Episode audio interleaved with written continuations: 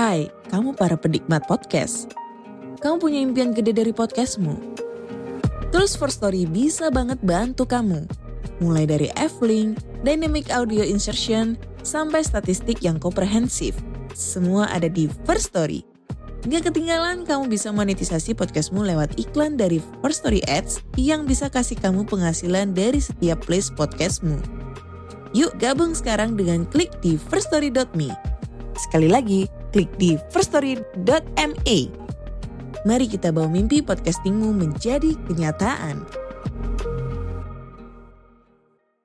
Assalamualaikum warahmatullahi wabarakatuh. Waalaikumsalam warahmatullahi wabarakatuh. Apa kabar Sobat MM di mana pun Anda berada? Senang sekali Mang Ei dan tim kembali menjumpai untuk mengantarkan kisah nyata dari seseorang. Namanya Pak Heri dari Tegal. Dan kebetulan juga kita sekarang ini berada di kota Tegal ya.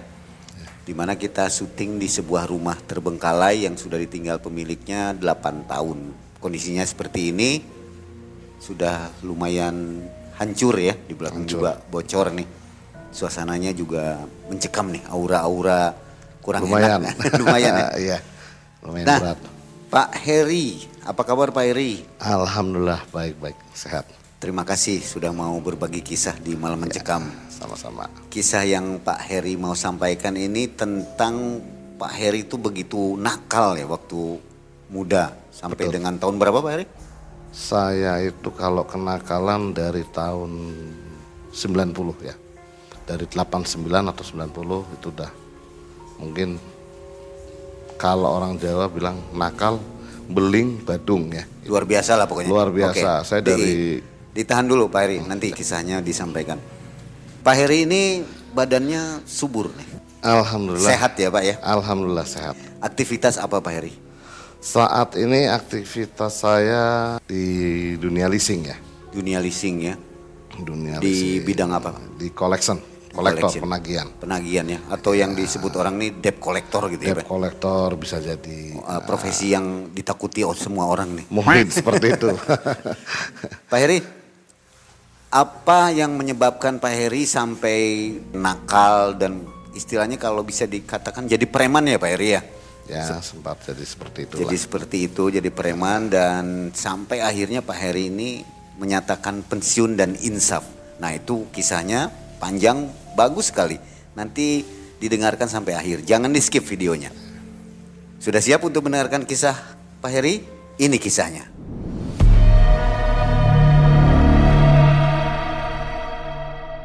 Begini Maing, pertama kali itu saya ya mulai nakal tuh mungkin di tahun 89, kurang lebihnya tahun segitu. Di saat itu memang saya ditinggal sama orang tua. Nggak agak sedih nih ya, karena saya masih kecil ditinggal sama orang tua ke Jakarta. Ya mungkin orang tua meninggalkan saya karena mungkin saya sendiri juga udah nggak mau ikut orang tua. Saya sendiri juga mungkin katakan nakal. Umur berapa itu? Ya sekitar 9 tahun. Itu saya waktu itu masih SD aja. Dua kali saya dikeluarkan dari sekolah. Saking bandelnya. Saking bandelnya itu juga karena ya nakalnya saya sampai tiga kali sekolah. Nah saya sampai di situ, tapi saya nggak nggak diem dalam arti kenakalan saya juga ada ada sedikit campur tangan dari nenek saya yang selalu menguatkan saya di saat saya jauh dari orang tua. Selalu mengajarkan saya untuk selalu beribadah. Jangan tinggalkan sholat apa segala macam. Jadi ya mungkin kalau dibilang imbang kali ya 50-50. Nakalnya dapat, ibadahnya mungkin tetap jalan gitu kan.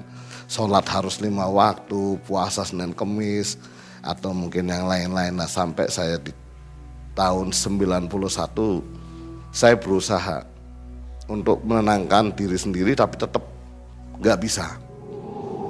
Masih aja terus nakal. Nah, singkatnya cerita itu saya nakal terus sampai tahun 96 nenek saya meninggal. Nah dari situ kenakalan saya itu mulai memuncak. Nggak ada kontrol sama sekali. Dari situlah saya hidup kayak sebatang kara. Hidup di mana aja, ke mana aja. Pokoknya berusaha hidup dengan cara saya sendiri. Tidak ada campur tangan dari orang lain. dari keluarga atau mungkin dari orang tua pun nggak ada ya. Orang tua udah jauh. Sekali yang ketemu paling lebaran lah. Saya ketemu orang tua saya. Sampai akhirnya itu saya di backup sama om saya. Dari kenakalan saya itu dia cuma memberikan satu wejangan ke saya senakal-nakalnya kamu sebadung-badung sebajingan-bajingan kamu kamu harus dapatkan kertas dari sekolah nah saya nggak tahu itu apa itu kertas waktu itu tapi setelah saya tanya saya tanya sama om saya yang dia maksud ijazah karena dari ijazah itulah nanti yang akan uh, menghidupi kehidupan saya di mendatangnya, kehidupan mendatang. Nah, saya berusaha untuk seperti itu. Di SMA pun tahun 96 itu saya udah sekolah sampai 6 sekolah atau 7 sekolah dikeluarkan terus dikeluarkan terus. Ya alhamdulillah sampai saya dapat satu ijazah Pak ini. Saya dikeluarkan karena ya baru masuk baru satu hari udah berantem gebukin orang. Baru masuk berapa hari berapa minggu gebukin guru. Pokoknya nggak kontrol di situ saya. Sampai saya dikeroyok berapa orang udah. Itu nggak ada hitungan hanya om saya yang membayang-bayangi saya datang sekali waktu cuman kasih omongan sedikit sedikit tapi ternyata masuk itu nah dari situ nah, saya tahun 99 itu saya udah mulai lepas dari Tegal saya lepas dari Tegal, saya masuk di daerah Kerawang. Tepatnya di Pasar Johal, Jalan Otista, saya di situ. Saya berkumpul sama anak-anak situ, ya kehidupannya seperti itu tetap. Nakal aja terus nakal. Nah, dari Jakarta Johar saya pindah lagi ke daerah Cimone, Perum. Ya, sampai Cengkareng, keliling kota Jakarta. Padahal ada orang tua di situ pun saya nggak pernah datang ke tempat orang tua. Karena saya lebih suka hidup dengan saya, cara saya sendiri. Mungkin pada saat itu bisa dikatakan saya udah nggak nggak ada nama di keluarga saya itu. Singkat cerita saya punya pacar ya, orang Tegal yang sekarang jadi istri saya. Ya dia yang mungkin memberikan saya masukan. Saya menikah dengan istri saya di tahun 2002. Nah, menikah saya tahun 2002, saya merantau dengan istri di daerah Banten, tepatnya desa Tegaltong, belakang stasiun Krenceng, Cilegon. Di situ saya hidup berdua dengan istri, tidak ada sanak saudara atau teman. Benar-benar kita berdua sampai kita punya anak dua di situ. Sepanjang perjalanan saya dari tahun 2002 sama istri di, sampai dengan tahun 2008 selama di Cilegon ya lumayan banyak juga kisah yang saya alamin karena hidup saya memang murni di lapangan banyak banyak di lapangan bisa ceritakan kepada kita apa saja nih sepak terjang kisah-kisah misalnya berantem atau bagaimana untuk gambar ya kalau pertama kali saya di Cilegon waktu itu saya kerja di satu pabrik ya di daerah kawasan Kia Krakatau Steel saya sebetulnya sebagai security. Hari pertama di situ lumayan berat godaan buat saya. Karena hari pertama saya kerja, saya harus bertemu dengan jawara-jawara tua situ juga. Mereka datang berbondong-bondong ke kantor ke kita, minta pekerjaan sambil mengacung-acungan golong. Pada saat itu rombongan motor tuh banyak orang turun dari motor datang ada sekitar yang masuk di dalam pabrik itu 10 orang. Setiap orang membawa golok. Dia minta pekerjaan, dia nggak mau tahu harus kerja. Sedangkan posisi saya di situ baru kerja satu hari. Saya belum kenal siapa-siapa di situ. Saya harus menghadapi itu sendiri. Tapi alhamdulillah dengan keberanian yang saya punya, saya hadapi mereka ya dengan negosiasi yang baik, alhamdulillah mereka juga bisa mengerti. Tapi sempat mereka udah golok itu lepas nih paing nih dari sarung nih. Sempat mau ngamuk di situ karena dia nggak mau tahu nih, saya harus kerja, saya harus kerja. Itu bang.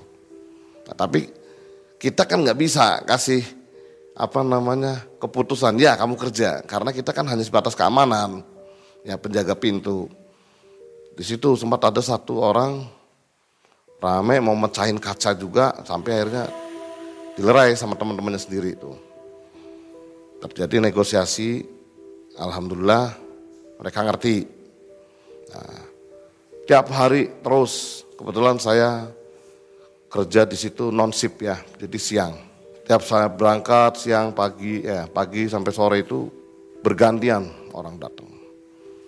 Ya lumayan saya sempat berpikir, wah mati muda ini saya di sini.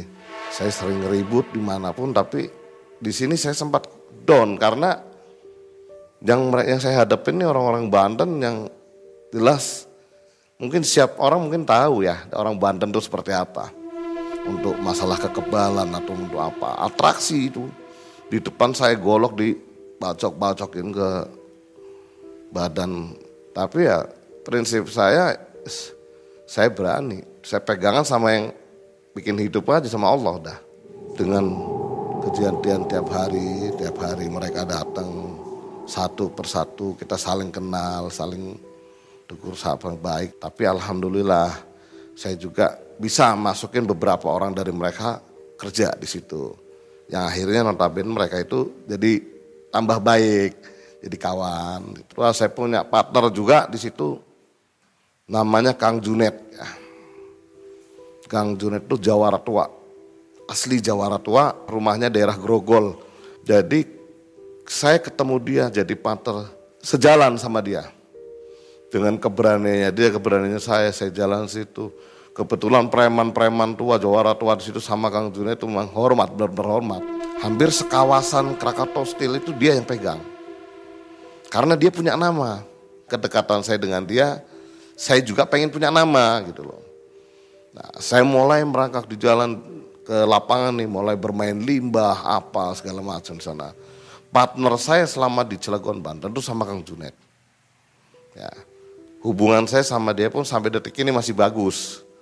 Masih sering komunikasi. Ya di sana saya sampai jadi keamanan, pengamanan truk tangki molasses yang dari Lampung masuk ke wilayah Serang Banten itu udah tanggung jawab saya.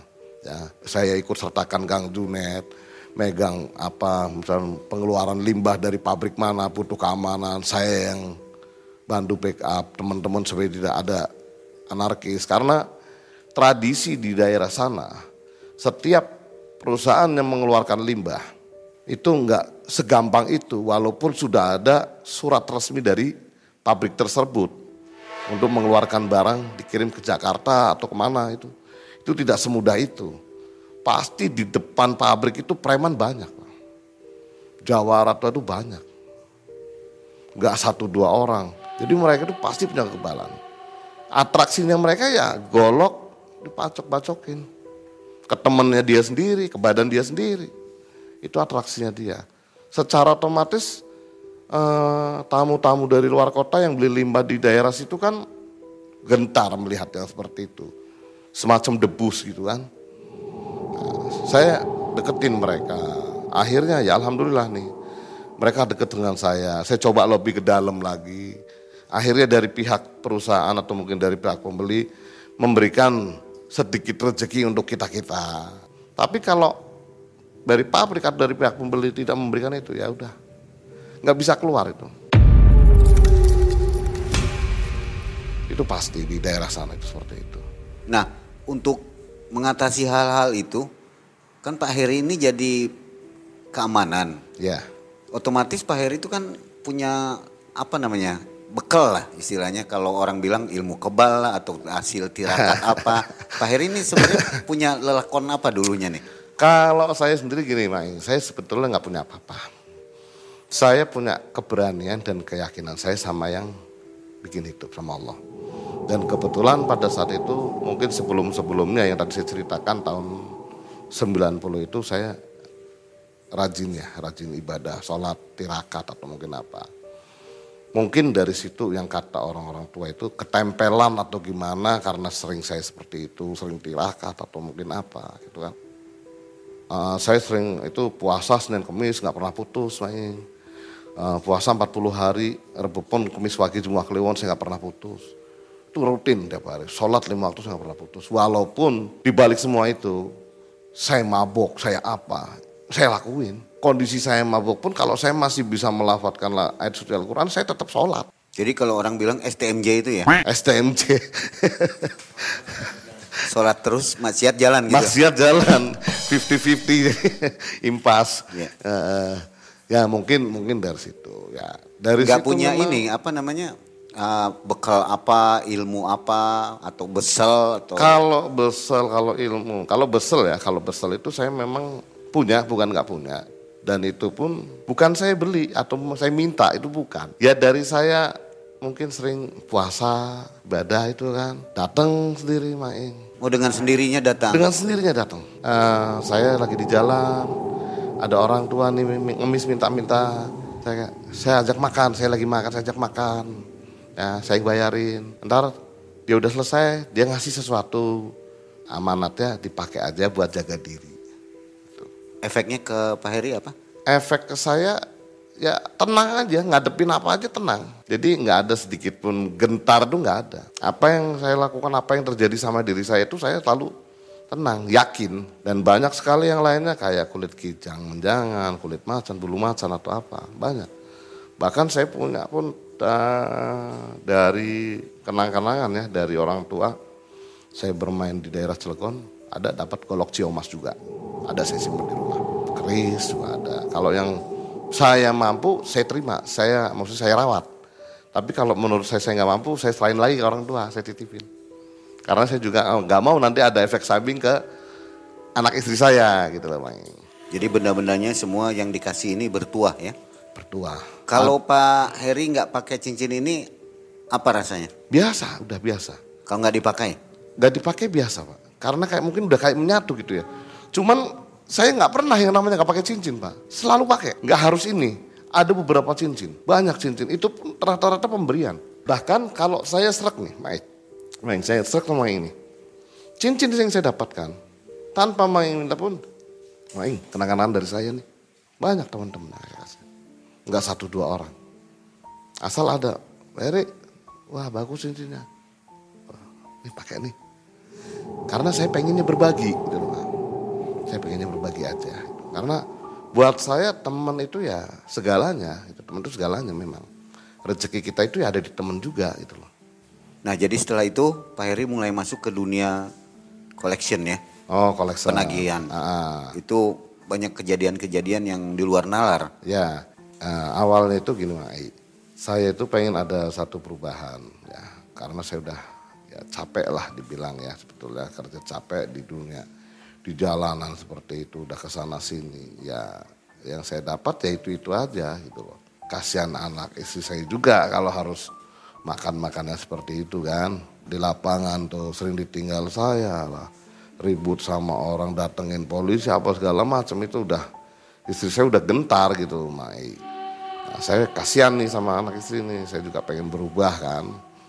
Nah, satu ketika istri ngajakin pulang, saya di sana di Cilegon udah mulai sih di kolek di debt kolektor tuh sama orang juga tuh orang bantu-bantu, tapi ya nggak nggak fokus itu hanya sebatas bantu-bantu aja. Nah, di tahun 2008 itu saya ingin merubah nasib, Mang Saya ingin berubah nasib nih saya, saya berjanji sama istri saya, saya ingin menjadi lebih baik dan ingin menjadi yang terbaik. Saya pulang ke Tegal nih. Saya pengen Tegal. Saya memulai sesuatunya dari nol. Benar-benar dari nol.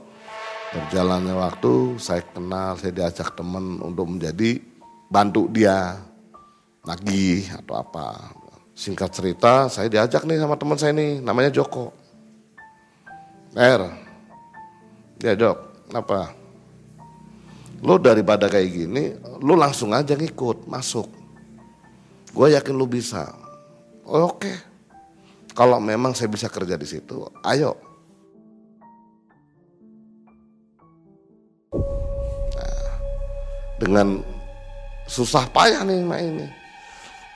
Masuk kerja di leasing, ya. Itu pertama saya masuk di Tegal dengan harus uh, apa namanya kita kerja pasti ada jaminan nih. Saya berpikir gini, Mai. Kerja di leasing itu kita kerja gaji ya, Mai. Satu bulan sekian, katakanlah. Nah, kalau cuman kita mengharapkan gaji satu bulan, ya mau sampai di mana? Gitu kita pasti kerja mengharapkan bonus lah kalau kata orang sekarang yang bilang bonus. Nah, kalau di leasing itu kan bonus itu dari kinerja kita. Kalau kita dapat performan yang bagus, ya otomatis dapat bonus. Kalau enggak ya enggak dapat. Gimana caranya supaya performan saya bagus nih Mai? Sedangkan posisi saya itu nagih konsumen atau nasabah itu yang tunggakannya udah di atas lima bulan Mai. Bukan satu bulan, dua bulan, tiga bulan, empat bulan, bukan udah lima bulan ke atas sampai yang satu tahun, yang dua tahun itu saya nagih wah ini kalau gini caranya saya tagih mana rumahnya udah kosong mae nggak ada orang udah sepi udah sowong. Saya harus lagi ke mana ya? Ada yang rumahnya udah rata jadi tanah. Nggak ada orangnya. Akhirnya saya berpikir mereka itu kan punya keluarga mai ya, punya saudara sepupu atau bibi atau paman atau siapa pun. Saya cari gali informasi itu. Ya, yang jadi sasaran itu mereka. Yang saya temuin itu, saya gebrak, saya gebrak semua. Akhirnya saya dapat informasi. Katakanlah si Amir nih, saya cari si Amir. Amir nggak ada nih main ini. Saya cari saudara-saudaranya. Ya akhirnya saudara-saudaranya jadi korban dari ke ininya saya, keganasan saya, saya gebrak-gebrakin saudaranya semua. Akhirnya saudaranya telepon ke sini, ke sana sampai tahu keberadaan si Amir ini di mana. Nah, saya temuin nih Amir nih. Nah, misalkan waktu itu saya ketemu Amir tuh di Jakarta, saya kejar Jakarta. Motor ada nih. Saya berpikir gini, kalau kamu makan, saya nggak makan. Kalau saya pengen makan ya, saya nggak mikirin kamu. Gitu. Jadi motor saya ambil aja udah. Mau ribut-ribut, udah sikat aja motor. Dapat duit satu motor tuh 300 ribu loh. Ya, sebetulnya nggak sebanding dengan apa yang saya lakukan kan taruhannya kan lumayan. Kalau saya dikeroyok di situ tuh pak saya ambil aja motor nih saya bawa. Ya. di Semarang juga sama di Jogja saya ambil juga. Ya. Kalau dipikir saya pikir gini satu motor 300 ribu 10 motor wah lumayan nih 3 juta nih. Tambahan dari gaji nih ya kan. Dari situ main. Ganas saya, saya nggak peduli. Kau mau makan mau nggak saya nggak peduli, sikat aja udah sikat dah bodo amat dah. Dia nggak punya apa, punyanya apa TV, kulkas jual, ambil duitnya. Tak jual sama dia, duitnya ambil sama saya. Yang penting dapat duit aja, dapat duit story itu aja. Lumayan apa ya namanya? Kalau resiko ya nggak sebanding gitu. Cuman ya itu tadi memang saya berpikir kalau saya diem saya lunak ya percuma saya kerja kan? Orang di sini saya kerja itu ya harus dapat duit. Kerja dari pagi pulang pagi. Karena yang saya hadapin tuh bukan orang yang diem di rumah. Sampai ya sempat nih akhirnya istri saya marah nih. Karena ya nggak wajar lah kerja dari pagi sampai pagi gitu loh. Baik. tapi saya punya prinsip gini saya pengen pengen jauh lebih baik kehidupan saya ketimbang yang lalu gitu loh. Dari hasil keringat saya, saya hanya berpikir saya kerja. Ya alhamdulillah nih berjalan waktu saya nagih sedang tidak seperti itu ribut dengan orang ribut tarung berantem itu udah nggak ada hitungan itu Mae. Keluar saya dari kerjaan ribut nih. Saya diajak nih Mae, ada temen dari Semarang nih. Bos Tower nih diangkat sama dia. Lu daripada nganggur, ikut saya. Saya taruh di sana, suruh ngawasin gudang. Dia bos tower nih. Saya di sana suruh jagain aja. Kerja enggak, Mae. Cuman ngawasin orang, kerja enggak, enggak, enggak, enggak ngelakuin apa-apa. Pakai baju kayak gini layaknya orang kerja kan harus rapi. Pakai baju rapi diomelin. Saya digaji gede. Ya, rokok dikasih, makan dikasih. Wah ini saya memang aja kerja makan gaji buta, nggak enak sama teman. Dengan alasan apa? Saya kabur nih. Nggak mau saya di situ. Nggak enak kan. Cari sama dia lagi, situ lagi, kabur lagi.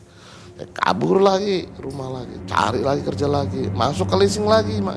Saya di situ sempat saya udah mau ngedrop nih dalam arti saya nggak mau di leasing ah. Kok kerjanya kayaknya ini banget gitu loh. Tapi saya nganggur, saya nggak bisa kerja. Akhirnya saya berpikir, udah mana-mana yang siapa duluan yang datang ke rumah saya nawarin kerjaan, saya ambil. Yang datang orang leasing lagi. Nawarin lagi leasing. Akhirnya saya masuk lah leasing lagi. Di situ udahlah berarti memang rezeki saya di sini nih. Udah saya cari rezeki ini. Cuman itu memang akhirnya saya di, di, di lapangan tuh ketemu orang, ketemu nasabah itu kayak ketemu musuh. Jadi bengal konsumen tuh. Ada ketemu saya baru lihat mukanya tutup, videonya tutup langsung. Apa banyak lah kejadian kayak gitu. Rame ribut situ. Sampai manggil apa RT ada apa. Sempat saya mau diraya satu kampung pun pernah.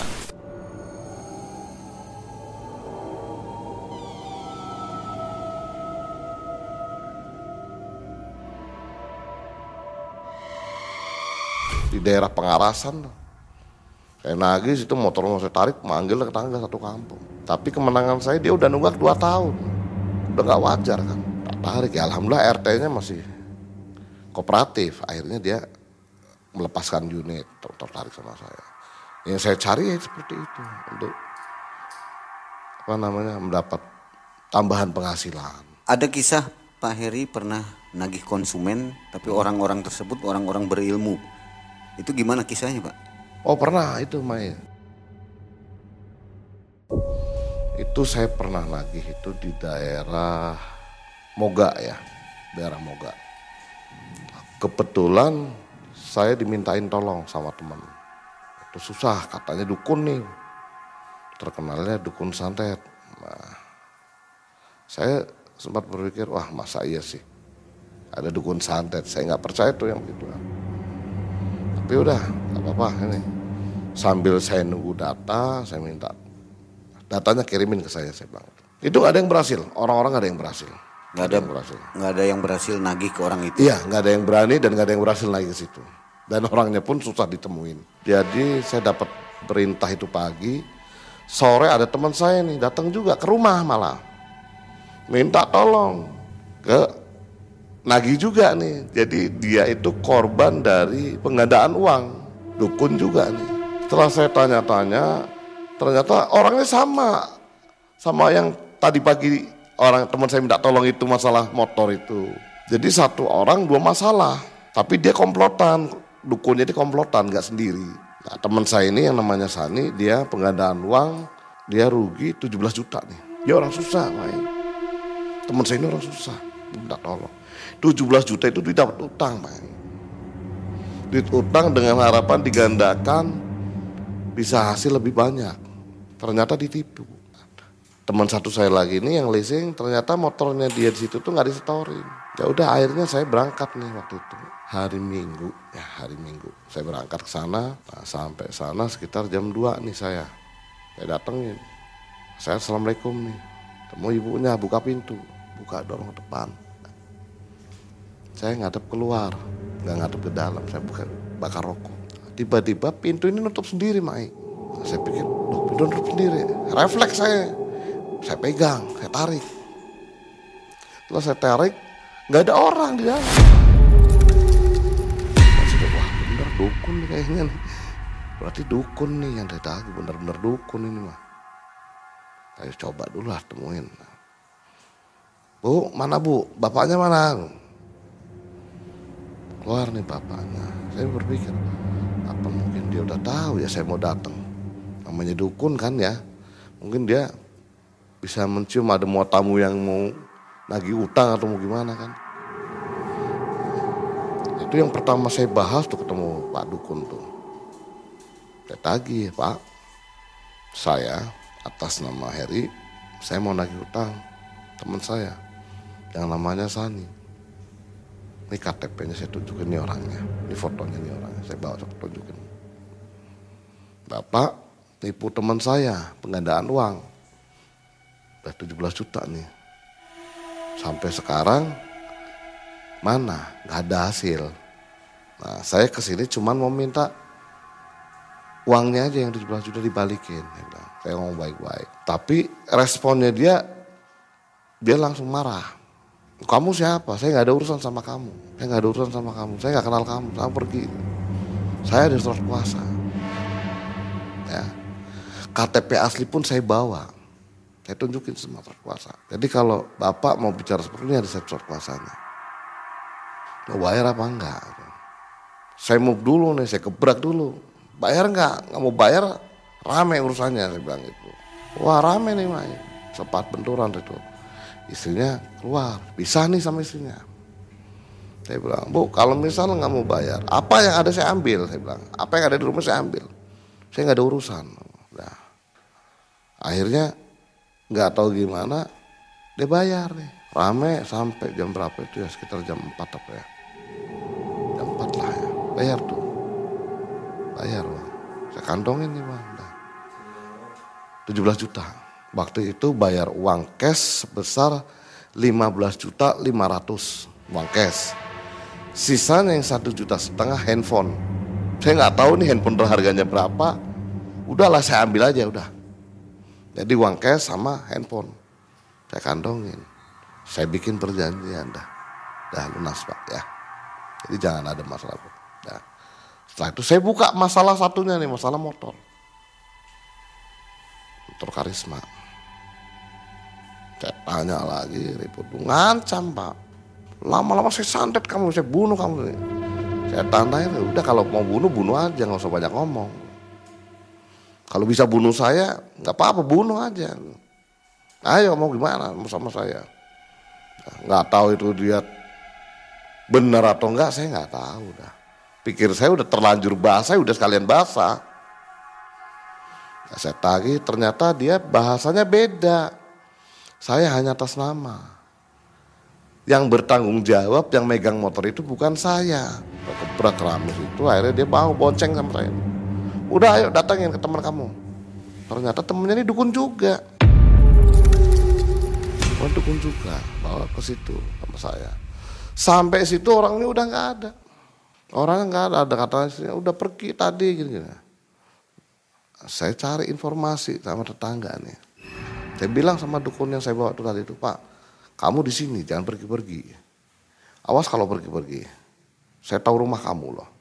Jangan sekali-kali berani pergi. Kamu nggak ada anak istri kamu yang jadi korban. Saya bilang gitu. Saya cari informasi nih. Katakan namanya Ahmad nih yang hilang nih. Ahmad ke mana bu? Itu istrinya orang mana? Oh istrinya orang kampung sebelah pak, sebelah sana. Orang tuanya ini, orang tuanya kaya gini gini gini. Udah, wah, udah. Saya kejar nih ke rumah mertuanya kan. Mertuanya bilang nggak ada. Memang mertuanya nggak tahu, keluarganya nggak tahu. Tapi feeling saya ini ada di situ gitu loh.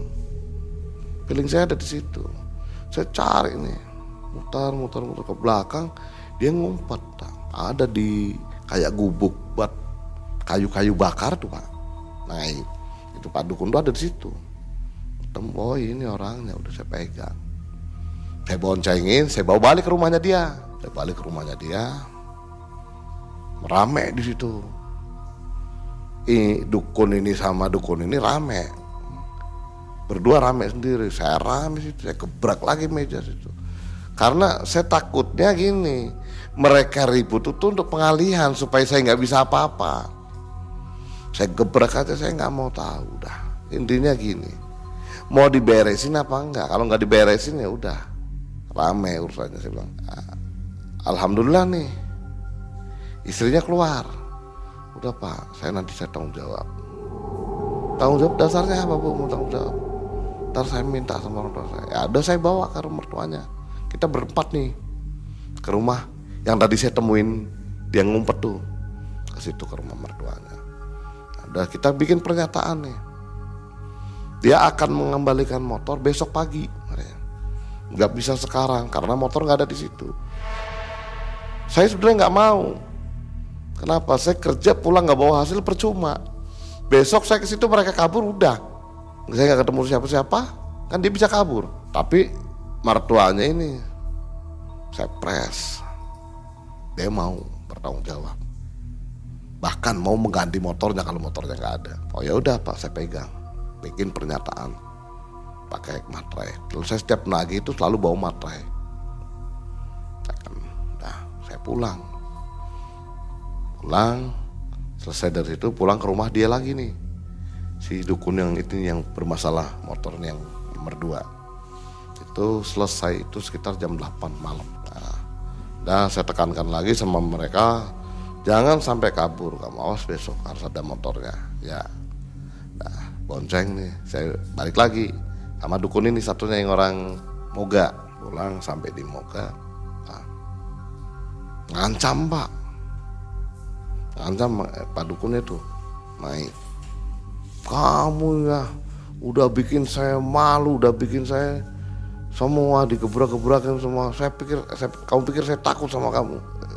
Langsung saya hajar pintunya itu. Kalau kamu berani kenapa kan dari tadi? Saya bilang. Udah ya mau gimana awas kamu nggak selamat kamu pulang. Lihat aja di jalan kata dia. Ya, sandet kamu.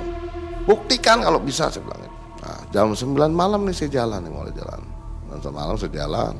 Saya berhenti ke warung rokok ya. Saya beli rokok beli makanan sama minuman buat ngisi perut. Pulang nih saya dari Moga lewat hutan nih Jatinegara.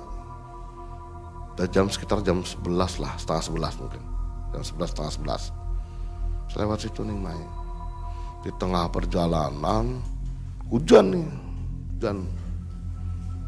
Motor mati tiba-tiba. Secara tiba-tiba motor mogok. Wah ada apa nih motor berhenti? Saya pikir bensin ah bensin baru diisi loh. Tak cek bensinnya masih. Tak buka businya tak lihat tak tes pengapiannya. Normal semua starter pun normal tapi nggak mau ngangkat apa saya lama di situ ada satu jam mungkin lebih dengan kepanikan saya, saya telepon teman saya yang ada di Tegal di kota. Dot, tolongin saya, saya di hutan di Jatinegara. Motor saya mati, ini nggak bisa jalan, saya nggak bisa pulang. Oh iya saya bos, saya ke situ. Ya, saya tunggu ya. Itu udah, saya udah, udah patah, udah, udah benar-benar udah apa namanya udah blank udah.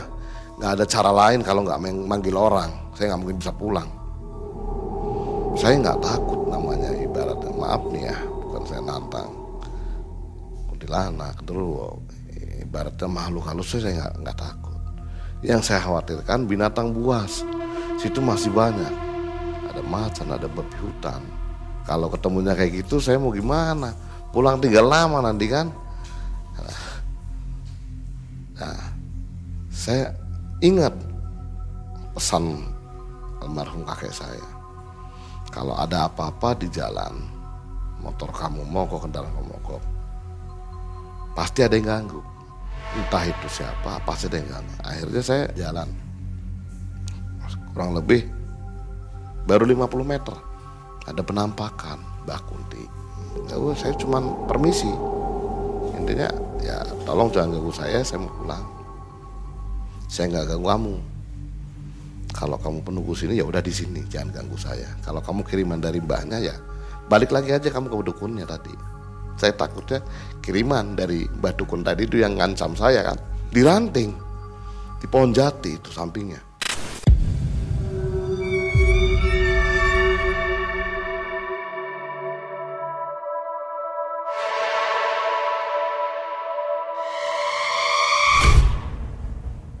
jadi kiri sebelah kiri ya. Ini kan jalan lurus ya kanan kiri hutan nih. Itu udah jarang yang lewat situ itu udah malam udah nggak ada. Jarang orang lewat. Kalaupun ada mobil travel pasti konvoy mereka. Itu saya jalan wah udah. Jalan lagi sekarang lebih 100 meter lagi 150 meter lagi. Saya buka lagi busi mah ini. Saya cek wah ngapain bagus. Udah, saya coba starter langsung bunyi loh langsung bunyi nggak ada hambatan. Udah. Saya turun. Ah, mumpung bunyi saya takutnya nanti diganggu lagi kan. Saya turun. Nah, ada pos polisi perhutani di situ. Di bawah tuh. Saya nunggu di pos polisi perhutani. Nah teman saya yang tadi saya telepon suruh jemput ke atas tuh, ternyata mungkin simpangan. Saya turun dia naik. Saya juga nggak tahu karena saya juga posisinya udah udah blank pikirannya udah kacau udah tengah malam hujan basah kuyup ya. capek dari pagi ya. Udah udah nggak karuan dah pokoknya. Dia sampai di atas dia nelpon di mana? Kok nggak ada? Saya di sini balik lagi turun. Saya ada di perhutani nih. Dia turun ketemu di pos perhutani. Sorry motor udah jalan. Ada yang ganggu saya bilang. Nah, saya coba starter lagi. Normal lagi. Saya akhirnya jalan bareng sama Dodi itu. Dan teman saya juga almarhum juga dia udah pulang turun itu ya seperti itu. Ngerinya itu ya kita di tengah hutan sendirian nggak ada siapa-siapa. Nggak mungkin itu jalannya kan naik turun. Ya kalau pas turun enak kita langsung turun. Kalau pas naik kan dorong motor lumayan berat jauh lagi. Hmm, ada juga satu lagi ini dukun juga. Ya di daerah Harjosari. Susah orang namanya sampai satu ketika saya harus pakai cara lama. Cara lama saya itu ya saya tunggu dia pulang mau jam berapa aja saya ada di situ. Jadi saya jaraknya itu sekitar 20 sampai 30 meter dari rumah. Saya ngumpet. Jam satu dia pulang. Saya lihat wah pulang tuh. Saya langsung samperin nih. Bawa motor itu juga. Yang mau saya ambil tuh. Saya tagih saya omong gimana? Siap nggak? Bayar. Kalau kalau mau bayar bayar sekarang kalau nggak motor saya ambil. Kamu berani ngambil motor saya? Oh, kenapa bilang kamu nggak tahu saya. Tahu kamu tahu. Bapak siapa saya tahu. Tapi bapak tuh punya hutang. Kalau mampu bayar kalau nggak mampu nggak usah seperti itu pak. Kalau bapak mau main belakang mau sana silahkan. Kalau mau bapak dukun silahkan. Saya juga nggak takut pak. Saya nggak bisa apa-apa cuman saya nggak takut itu udah kesel juga tuh nungguin lama-lama kan. Istrinya nggak mau nemuin. Nggak mau nemuin tuh langsung masuk aja. Saya kesel lah saya kontak teman datang sini. Karena nggak mungkin saya sendiri bawa motor dua. Teman saya datang berdua yang satu langsung pulang satu bareng sama saya. Saya suruh bawa motor saya kamu bawa nih motor saya. Jadi saya sendiri situ tuh. Udah sini ini kuncinya. Saya bikin suratnya tanda terima segala macam kan. Tarik tuh.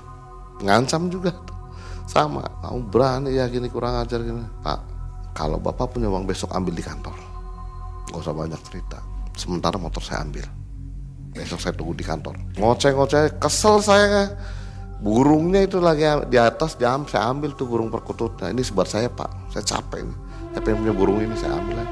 jadi saya dari situ keluar bawa bawa motor sama bawa burung diancam juga dari situ. Tapi alhamdulillah orangnya juga nggak datang ke kantor ancamannya juga nggak terbukti. Padahal dia ngakunya dukun ya? Dukun, dukun dan memang santet. dikenal di lingkungan juga dukun. Tapi nggak terbukti? Nggak terbukti ya atau memang dia nggak tahu dukun apa kan kita nggak tahu kan? Dukun cabul bisa ya? Bisa jadi. Apa dukun pijat juga bisa jadi? Setelah dari situ mulai katanya mulai insaf nih oh, mulai ya. menurun ya. Ya. Berjalannya waktu saya juga berpikir, wah, yang saya lakukan ini sebetulnya salah karena ya memang walaupun mereka salah tapi sebetulnya tidak harus seperti itu. Ya pesan aja mungkin buat mereka orang nasabah yang suka nunggak itu sebetulnya mereka juga resikonya besar. Lebih baik distorin lah negosiasi yang bagus saya di situ saya berpikir, Mai, orang lagi susah buat makan, mungkin juga nggak ada, sampai dia nggak bisa setor motor kan berarti benar-benar susah. Lama kelamaan saya jadi bertolak belakang sekarang. Saya berarti jadi beralih, jadi penakut bisa dikatakan. Penakut itu bukan takut sama orang, jadi yang saya lakukan ini salah itu aja. Kalau dulu saya nggak punya pikiran seperti itu. Yang pikiran saya ada motor tarik saya dapat duit. Saya nggak mikir dia mau gimana mau gimana masa bodoh. Kalau sekarang nggak bisa. Sekalipun motor nih pak mungkin saya akan memberikan solusi. Pak dijual aja lunasin kali aja ada sisa. Kalau nggak pak selain aja udah selesai. Dengan baik-baik kalau dulu enggak ya karena mungkin saya juga berjalan waktu kan juga namanya manusia pengen menjadi lebih baik ya. Mungkin Mae ya pengen berubah ya. Mungkin malu sama anak yang udah besar besar atau mungkin apa. Momen-momen sedih kalau pas kebetulan nagih yang ditagih orang tua nyai nyai dia nggak punya. Ada tuh dia satu rumah sama cucunya tiga. Anaknya itu janda kerja di Jakarta sebagai pembantu. Nyai nyai ini hanya mengharapkan transferan dari anaknya yang kerja jadi pembantu rumah tangga di Jakarta motornya ini nunggak karena nggak kebagi sumber penghasilan dari anaknya yang jadi pembantu. Nah mungkin untuk bayar sekolah untuk apa untuk apa. Jadi motornya nunggak. Itu sih malah kama buat saya. Tapi pada saat itu yang saya pikir pikiran saya cuma dapat duit itu aja Mai. Jadi nggak berpikir wah kasihan ya. Ini motor satu-satunya ini anak yang gede SMP, boncengin adik-adiknya buat berangkat. Nah ini motor ini saya ambil, mereka orang berangkat pakai apa? Nah itu yang saya ingat kejadian-kejadian yang seperti itu. Yang akhirnya saya semakin lulus, semakin lulus, semakin lulus. Jadi semakin lemah. Lemahnya itu bukan karena takut, tapi karena itu tadi. Orang yang harusnya kita tolong ya kita tolong bukan semakin kita sengsarakan. Akhirnya dari situ saya berubah. Berubah? Saya berubah. Orang yang lebih baik lagi. Ya di mana saya harus bisa membantu orang. Atau setidaknya ya tidak menyusahkan orang lain. Itu. Sampai saya sendiri ya maaf kata hati ini udah berat untuk bekerja di leasing itu sebenarnya udah berat ada niat untuk berhenti? Ada kenyataan untuk berhenti. Pasti itu pasti saya ada kedatangan untuk berhenti. Karena ya saya pengen cari yang lebih nyaman lah mungkin. Yang tidak menyusahkan orang lain. Karena hal-hal seperti itu juga memang kita satu saat pasti akan mengalami hal-hal yang seperti itu. Di saat kita lagi marah, lagi ganas, lagi apa. Tapi satu saat dia akan ngedrop karena mungkin ada sesuatu yang membuat dia ingat. Gitu. Kalau Pak Heri sendiri ada panggilan setelah melihat apa atau ada mimpi atau ada panggilan jiwa apa jadi berubah itu? Kalau saya sebetulnya pesan dari orang tua. Saya sempat merawat orang tua saya itu tiga minggu. Saya pengen merawat orang tua nih Mai. Dari kecil saya jauh dari orang tua. Dan itu mungkin waktu terakhir saya sama seorang tua sepanjang perjalanan. Pesan orang tua saya, jadilah kamu yang dulu, Heri yang dulu, Heri yang asli. Lakukan yang baik-baik. Yang sekarang hilangkan semua. Kamu udah baik, tapi kamu bisa lebih baik lagi. Itu. Dari situlah jadi tergugah ya? Iya. Meskipun sekarang masih di bagian collection tapi saya masih di collection kebetulan saya call head ya head callnya. Jadi uh, kepala kolektor ya saya kepala kolektor. Ya saya sekarang mungkin bisa dikatakan udah jarang di lapangan. Bukan nggak mau ya sengaja ya menghindari aja. Kalaupun dibutuhkan sama tim saya saya bantu saya lakukan negosiasi yang terbaik buat nasabah. Lebih ke arah solusi ya? Solusi. Persuasif begitu Persuasif. ya? Persuasif, seperti itu. Ini kisah yang sangat menyentuh sekali, mulai dari kenakalan, menjadi preman, debt collector, dan sekarang menjadi debt collector yang soleh. Istilahnya menagih tapi tanpa paksaan begitu tanpa ya? Tanpa paksaan. Barangkali ada yang akan disampaikan ke subscriber kita tentang dunia debt collector tagihan motor atau tagihan mobil? Ya sebetulnya semua sama ya dari tagihan motor atau tagihan mobil ya himbauan saya buat nasabah ya terutama nasabah yang merasa punya kredit atau piutang dengan leasing atau bank. Kalau kita memakai kendaraan dalam kondisi tidak lancar, tunggakan besar, secara otomatis kita pun memakai di jalan nggak nyaman. Takut ketemu sama debt collector lah apa segala macam. Sedangkan debt collector di lapangan juga ya tahu sendiri lah. Ada yang baik, ada yang enggak ya. Ya udah satu risiko lah kalau orang nunggak otomatis ada risikonya tersendiri kan. Nah kalau posisinya kalau pas dipakai sama kita mungkin kita bisa ngomong sama mereka. Tapi kalau pas dipakai sama anak coba. Anak ketakutan dikejar-kejar sampai kejadian kecelakaan yang rugi kita juga. Motor ketarik pun hilang begitu saja juga rugi. Sebaiknya ya, bagaimana? Diserahkan atau dijual mungkin? Banyak solusi, banyak solusi. Ketemu, temuin baik-baik kolektor tersebut, ajak minta solusi yang terbaik seperti apa. Seumpamanya kita udah nggak mampu nih untuk setor ya, kita jual aja nih. Kita jual aja. Saya punya hutang berapa? Motor ini saya laku berapa? Kira-kira masih ada keuntungan, kan lebih baik dijual.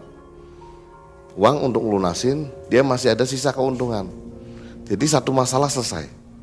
Kecuali motor ini udah kondisinya parah, dijual harganya jatuh, uang hasil penjualan untuk bayar pelunasan nggak nutup nih, berarti kan min, masih ada utang.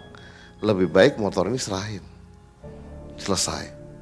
Meskipun sudah menyicil sekian tahun sudah lama ya. Iya. Mau nggak mau ya. Ya, anggaplah kita sewa aja gitu kayak sewa rumah, sewa kos-kosan kan. Iya. Sama. Toh dari sewa itu sebenarnya kan kita ada keuntungan.